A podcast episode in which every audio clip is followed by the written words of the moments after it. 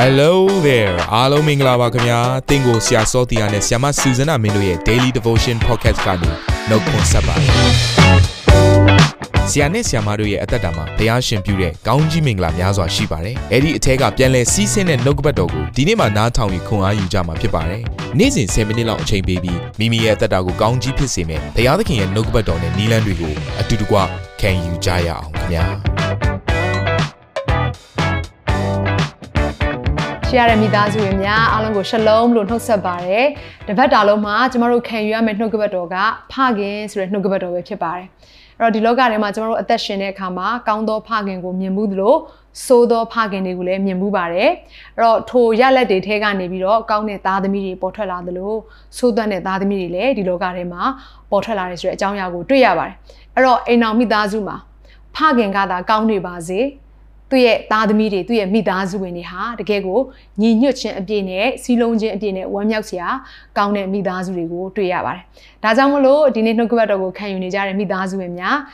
တင့်ရဲ့မိသားစုဝင်တက်တာထဲမှာဖခင်ရှိတယ်ဆိုရင်ဒီနှုတ်ကပတ်တော်ဟာဖခင်တယောက်ချင်းစီတိုင်းအတွက်အရန်အရေးကြီးတဲ့နှုတ်ကပတ်တော်ဖြစ်တယ်လို့ကျွန်မရှေးဥစွာပြောလို့တယ်။အဲ့တော့ပထမနေ့အနေနဲ့ ဖခင်ဆိုတဲ့ခေါင်းစဉ်အောက်ကနေပြီးတော့ဖခင်ဤနှလုံးသားဆိုတဲ့နှုတ်ကပတ်တော်နဲ့ကျွန်မဝင်ခပေးလိုပါတယ်အဲ့တော့ကျွန်တော်တို့ဒီလောကထဲမှာ psychiatric တွေကဘယ်လိုပြောကြလဲဆိုရင်စိတ်ပညာရှင်တွေကကလေးငယ်တယောက်ဟာခမီးတော်ဖခင်ကိုဘယ်လိုပုံဖော်လဲဆိုရင်သူ့မှာရှိတဲ့ဖခင်ကိုကြည့်ပြီးတော့ပုံဖော်တယ်တဲ့ဖခင်ဟာကြမ်းတမ်းတဲ့ဖခင်ဆိုရင်သူတို့ဟာဘုရားခင်ကိုပုံဖော်တဲ့အခါမှာ ဘုရားခင်ကကြမ်းတက်တဲ့ဘုရားလို့ပုံဖော်မိလိုက်တတ်ကြတယ်တဲ့အကယ်ဖခင်ဟာအမြဲတမ်းဒေါသထွက်ပြီးတော့ကလေးငယ်တွေကိုရိုက်တဲ့ဖခင်လို့မြင်နေပြီဆိုရင်ဘုရားခင်ကိုလည်းထိုကဲ့သို့မြင်ပါတယ်တဲ့သို့တော့ဖခင်ကချစ်ချင်းမြတ်တာအပြည့်နဲ့ခွင့်လွှတ်ခြင်းအပြည့်နဲ့နားလည်မှုစိတ်ရှည်မှုအပြည့်နဲ့ဆွဲခေါ်ပေးတဲ့ဖခင်ဆိုရင်တော့ခမည်းတော်ဘုရားခင်ကိုလည်းထိုကဲ့သို့ကောင်းသောဖခင်လို့မြင်တတ်ကြပါတယ်ကဲဖခင်များကျမတို့ဟာကိုယ့်ရဲ့သားသမီးတွေကို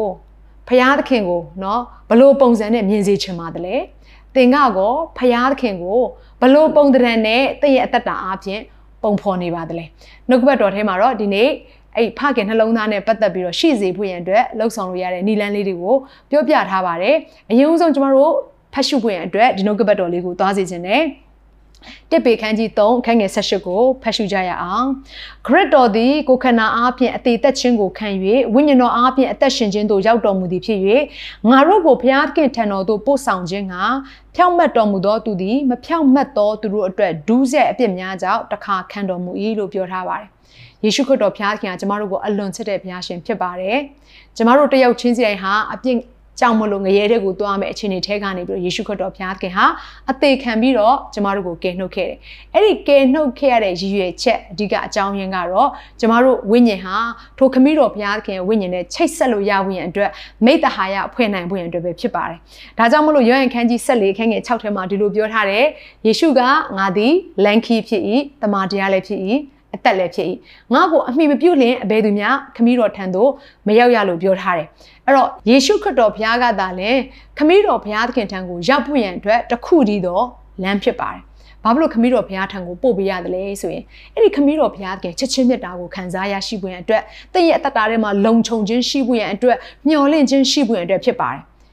အဲ့တော့သင်ဟာဖခင်ဖြစ်ပြီးဆိုရင်တင့်ရဲ့မိသားစုဝင်တွေကိုအဲ့ဒီဖခင်နှလုံးသား ခမည်းတော်ဘုရားသခင်နှလုံးသားပြန်လည်ပေးနိုင်ဖို့ရန်အတွက်အရေးကြီးပါတယ်အဲ့တော့သင်ဘာလုပ်ရမလဲယေရှုခရစ်တော်ကိုမိမိရဲ့ကယ်တင်ပိုင်ရှင်နဲ့အရှင်သခင်ပြယုံကြည်လက်ခံရမယ်သို့မှသာလဲခမည်းတော်ဘုရားသခင်ထံကိုချင်းကပ်လို့ရမှာဖြစ်တယ်ကဲအဲ့တော့ခမည်းတော်ဘုရားခင်ကိုသင်ချင်းကပ်လို့ရပြီဆိုရင်ခမည်းတော်ဘုရားခင်ရဲ့ပြည့်စုံကြွယ်ဝတဲ့အဲ့ဒီနှလုံးသားကြီးကိုသင်ဟာရရှိလာမှာဖြစ်ပါတယ်ဒီလောကထဲမှာရှိနေတဲ့စာပေတွေကိုသင်ဘလောက်ပဲဖတ်နေပါစေ အဲ့ဒီစာပေတွေကဖခင်ဖြစ်ခြင်းနဲ့ပတ်သက်တဲ့အကြောင်းအရာကိုအပြင်ကနေပဲတုံတင်နိုင်တယ်အတွင်းကနေပြီးတော့လာပြီးတော့အာဖခင်နှလုံးသားကြီးရဖို့ရန်အတွက်မလုံစော်ပေးနိုင်ပါဘူးမလုံဆောင်လည်းမလုံဆောင်ပေးနိုင်ပါဘူးအဲ့တော့အသိပညာတော့ရှိပေမဲ့အတွင်းကနှလုံးသားကနော်ဖခင်နှလုံးသားရရှိလာဖို့ရန်အတွက်ကတော့ခမည်းတော်ဘုရားသခင်ပဲလှုပ်ဆောင်ပေးနိုင်ပါတယ်။ဒါကြောင့်မလို့ယေရှုခရစ်တော်ဘုရားသခင်ဟာဒီလောကထဲမှာသူအသက်ရှင်တဲ့အခါမှာ သူကကျမတို့ကိုသူ့ရဲ့အဖခမီးတော်နဲ့အမြဲတမ်းချိတ်ဆက်တက်ဖို့ရန်အတွက်ဒီလိုတုံသင်ပေးခဲ့ပါတယ်အဲ့တော့ကျမတို့ပထနာတော်မှာပြန်ကြည့်လိုက်မယ်ဆိုရင်ကောင်းကင်ဘုံ၌ရှိတော်မူသောကျွန်ုပ်တို့၏အဖလို့သူဟာသင်ပေးခဲ့ယေရှုခရစ်တော်ဘုရားသခင်ဟာခမည်းတော်ဘုရားသခင်ကိုမိတ်ဆက်တဲ့အခါမှာအလန်းဝေးနေတဲ့ဘုရားအနေနဲ့မမိတ်ဆက်ခဲ့ပါဘူး။ universe တစ်ခုလုံးဒီစัจ java လာတစ်ခုလုံးကိုဖန်ဆင်းတဲ့ နော်ဖယားအနေနဲ့ပဲမမိတ်ဆက်ခဲ့ပါဘူးအဲ့တော့ तू မိတ်ဆက်ခဲ့တဲ့အရာကဘာလဲဆိုတော့ဒီတလောကလုံးကိုဖန်ဆင်းတဲ့ဖယားရှင်ဟာငါတို့ရဲ့ဖခင်ဖြစ်တယ်ဆိုတဲ့ပုံစံနဲ့ယေရှုခရစ်တော်ဟာမိတ်ဆက်ပေးခဲ့ပါတယ်။ဒါကြောင့်မလို့ကျမတို့ရောဟန်အခန်းကြီး18အခန်းငယ်6နဲ့အခန်းငယ်17မှာကြည့်လိုက်မယ်ဆိုရင်ဒီလိုပြောပြထားပါတယ်။ဤလောကထဲမှာယူ၍အကျွန်ုပ်၌အပ်ပေးတော်မူသောသူတို့ဟာအကျွန်ုပ်ဒီကိုရောဤနာမကိုပြပါပြီ။အဲ့တော့ယေရှုခရစ်တော်ဟာ ခမည်းတော်ရဲ့နာမည်ကိုဖော်ပြတယ်တဲ့ဘလို့ဖော်ပြတယ်လဲဆိုရင်ထိုသူတို့ကိုကိုရောဒီပိုင်တော်မူသည်ဖြင့်ကျွန်ုပ်အားပေးတော်မူ၏ကိုရောဤနှုတ်ကပတ်တရားကိုသူတို့သည်စောင့်ကြပါ၏ယခုမှစ၍ကျွန်ုပ်သည်ဤလောက၌မရှိပါဤသူတို့မူကားဤလောက၌ရှိရရကြပါမည်အကျွန်ုပ်သည်ကိုရောထံသို့သွားရပါမည်တန်ရှင်းတော်မူသောအဖကိုရောနှင့်အကျွန်ုပ်သည်တလုံးတဝတည်းဖြစ်တဲ့ကဲ့သို့အကျွန်ုပ်အားပေးတော်မူသောဤသူတို့သည်ဖြစ်ရပါမည်အကြောင်းသူတို့ကိုကိုရောဤနာမ၌ တည်စီတော်မူပါအဲ့တော့ကိုရောဤနာမလို့ပြောခဲ့တဲ့အခါမှာယေရှုခရစ်တော်ယဉ်ညွှန်းခဲ့တဲ့နာမကတော့တန်ရှင်းတော်မူသောအဖာတဲ့နော်တကယ့်ကိုပြည့်ပြည့်စုံလင်တဲ့ညဉ့်ညူးခြင်းမရှိတဲ့ချစ်ချင်းမြတ်တာအပြည့်နဲ့စုံလင်ကြွယ်ဝနေတဲ့အဖဆိုပြီးတော့မိတ်ဆက်ပေးခဲ့တာဖြစ်တယ် သူနဲ့เนาะယေရှုခရစ်တော်နဲ့ခမည်းတော်ရဲ့ဂျားထဲမှာရှိတဲ့ချစ်ချင်းမြတ်တာမျိုးကိုဒီလောကထဲမှာယေရှုခရစ်တော်ကเนาะခံစားစေခြင်းတဲ့အတွက်ကြောင့်မလို့ဒီနေ့ယေရှုခရစ်တော်ဟာဒီနေ့ခမည်းတော်ရဲ့အရှိမသူပြောတဲ့အရာကအဲ့ဒီကိုရောရဲ့ဖခင်ဖြစ်ခြင်းနာမ၌ပဲတဲ့ဒီလောကမှာရှိရသူတွေအပေါ်မှာဆက်လက်ပြီးတော့အဲတည်တံ့စေဖို့ရတဲ့ယေရှုခရစ်တော်ဟာသူ့ရဲ့ခမည်းတော်ရဲ့အရှိမပြောခဲ့တဲ့လူတွေအားလုံးကိုလည်းထိုကဲ့သို့မိတ်ဆက်ပေးခဲ့တာဖြစ်တယ်ဒီနေ့ ယေရှုခရစ်တော်ကိုသင်ဟာယုံကြည်လက်ခံပြီဆိုရင်ကျမ်းစာထဲမှာဒီလိုပြောပြထားပါတယ်နှစ်ကောအခန်းကြီး6အခန်းငယ်18မှာသင်တို့၏အဘဖြစ်ပြီးသင်တို့သည်လည်းငါ၏သားသမီးဖြစ်ကြလိမ့်မည်ဟုအနန္တတကုနှင့်ပြည့်စုံသောသာရဘုရားမိန့်တော်မူ၏ဒီလောက်ကြီးမြတ်တဲ့ဘုရားရှင်ကပြောသွားတဲ့အရာကသူ့ကိုယုံကြည်လက်ခံပြီဆိုရင်တော့ကျမတို့ရဲ့အဖဖြစ်မယ်ကျမတို့ဟာသူ့ရဲ့သားသမီးဖြစ်ခွင့်ရမယ်လို့ပြောပါတယ်သူဟာကျမတို့ကိုအယမ်းချစ်တဲ့အတွက်ကြောင့်မလို့သူ့ရဲ့တပါးကြီးသောသားတော်ယေရှုခရစ်တော်ကိုကျမတို့တက်ဒီလောကကိုတော့ ဆေလွတ်ခဲ့တဲ့ဘုရားရှင်ဖြစ်ပါတယ်သူရဲ့နှလုံးသားကိုကျမတို့ကိုပေးခဲ့တဲ့ဘုရားရှင်ဖြစ်ပါတယ်ဖခင်များထိုကဲ့သို့နှလုံးသားကိုရရှိဖို့ရန်အတွက်ဒီလောကမှာသင်ရှာဖွေလို့မရနိုင်ဘူးခမည်းတော်ဘုရားသခင်စီထံကိုချဉ်ကပ်မှာပဲရမှာဖြစ်ပါတယ်ဒါကြောင့်မလို့ရှင်ပေါလုကဘာပြောခဲ့တယ်လဲဆိုလို့ရှိရင် အေဖက်ခန်းကြီး3ခန်းငယ်14ရာနေ15မှာအထက်ဆိုခဲ့ပြီးသောအကြောင်းကြောင့်ကောင်းကင်ပေါ်မြေကြီးပေါ်မှာရှိသောတအိမ်တောင်လုံးတည်းဟုသောသားတော်အပေါင်းတို့၏အချုပ်ချာဖြစ်တော်မူသောငါတို့သခင်ယေရှုခရစ်ခမည်းတော်ရှေ့မှာငါသည်ဒူးထောက်၍ဆုတောင်းလေးရှိ၏ဒီလောကတလောကလုံးရဲ့အချုပ်ချာဖခင်ဖြစ်တဲ့ခမည်းတော်ရဲ့ရှေ့မှာတဲ့ရှင်ဘောလူဟာအမြဲတမ်းဆုတောင်းလေးရှိတယ်တဲ့အဲ့တော့ကျမ်းစာထဲမှာကြည့်လိုက်တဲ့အခါမှာသားတော်အပေါင်းတို့ရဲ့အချုပ်ချာလို့ မြန်မာကျမ်းစာထဲမှာတွေ့ရပါမယ်အင်္ဂလိပ်ကျမ်းစာထဲမှာ The Passion Translation ထဲမှာဒီလိုပြောပြထားပါတယ် Perfect Father of every father ဒီလောကထဲမှာရှိနေတဲ့ဖခင်တိုင်းရဲ့အချုပ်ချာဖြစ်တဲ့အကောင်းမြတ်ဆုံးသောဖခင်ဆိုပြီးတော့ပြောပြထားပါတယ်ဒီနေ့သင်ဟာဖခင်ဖြစ်တယ်ဆိုရင်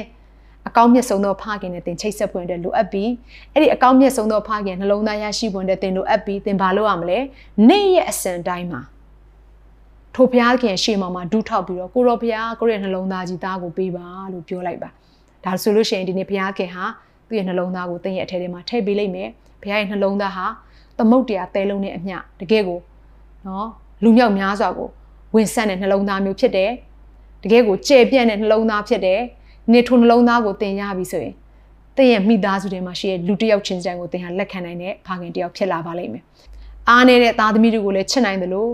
အားကြီးတဲ့သားသမီးတွေကိုလည်းမျက်နာမလိုက်ဘဲနဲ့ကျန်တဲ့သားသမီးတွေနဲ့ဒန်းတူချစ်နိုင်တဲ့ဖခင်တယောက်ဖြစ်လာပါလိမ့်မယ်။ဒါကြောင့်ညီကိုမမများသင်လိုအပ်နေတဲ့အရာကဖခင်နှလုံးသားပါ။သင်ရဲ့သားသမီးတွေအကြီးမြတ်ဆုံးသောကောင်းကင်ဖခင်ရဲ့နှလုံးသားကိုခံစားနိုင်ဖို့ရန်အတွက်သင်ရဲ့နှလုံးသားကိုအရင်ဦးဆုံးပြင်ဆင်ပါ။ထိုကဲ့သို့ပြင်ဆင်နိုင်ဖို့ရန်အတွက် ဒူးထောက်လျက်ခမီးတော်ဖရာအကျွန်ုရဲ့နှလုံးသားကိုပြုပြင်ပေးပါကိုရီးယားနှလုံးသားနဲ့တူစေပါဖခင်နှလုံးသားကိုပေးပါလို့သင်ဆုတောင်းမိဆိုရင်တော့ထိုကဲ့သို့သောဖခင်နှလုံးသားကိုယနေ့ပဲရရှိမှာဖြစ်ပါတယ်။ဒါကြောင့်မလို့အခုချိန်မှာဖခင်တယောက်ချင်းစီတဲ့အတွက်ကျွန်မဆုတောင်းပေးလိုပါတယ်။အတူတူကအသက်တာအသီးသီးကိုစက္ကန့်အနှံကြပါစို့။အသက်ရှင်သောဖရာသားသမီးတို့ကိုချစ်တော်မူသောဖရာဒီနေ့သားမို့တယောက်ချင်းစီတိုင်းရဲ့အသက်တာကိုကိုရောဖရာရဲ့လက်ဝဲထဲမှာ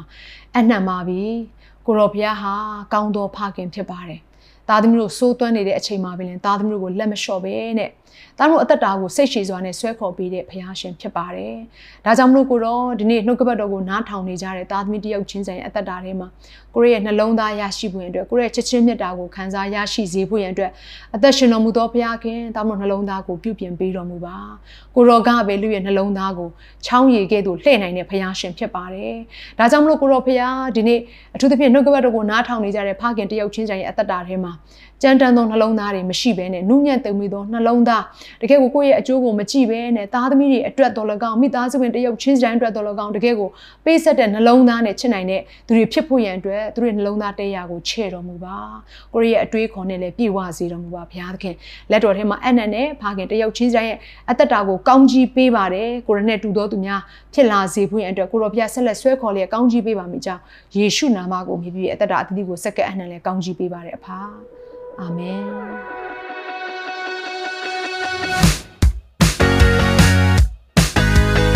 နာတော်တာစင်သူတိုင်းရဲ့အသက်တာမှာကောင်းကြီးဖြစ်မယ်ဆိုတာကိုကျွန်တော်ယုံကြည်ပါတယ်။သင်ရဲ့အသက်တာအတွက်များစွာသော resource တွေနဲ့ update တွေကို Facebook နဲ့ YouTube platform တွေမှာလည်းကျွန်တော်တို့ပြင်ဆင်ထားပါတယ်။ Facebook နဲ့ YouTube တွေမှာဆိုရင် search box ထဲမှာစူဇနာမင်းလို့ရိုက်ထည့်လိုက်တဲ့အခါအပြအယောင်အမှန်ချစ်ထားတဲ့ Facebook page နဲ့ YouTube channel ကို တွေ့ရှိမှာဖြစ်ပါတယ်။နှုတ်ကပတ်တော်တွေကိုဗီဒီယိုအားဖြင့်လည်းခွန်အားယူနိုင်ဖို့ရန်အတွက်အစင်သစ်ပြင်ဆင်ထားပါတယ်။ကျွန်တော်တို့ဝိညာဉ်ရေးရာအတွက်အထူးလိုအပ်တဲ့ဖွင့်ပြခြင်းတွေနဲ့ခွန်အားတွေကိုရယူလိုက်ပါ။နောက်ရက်များမှာပြန်ဆုံတွေ့ကြရအောင်ခင်ဗျာ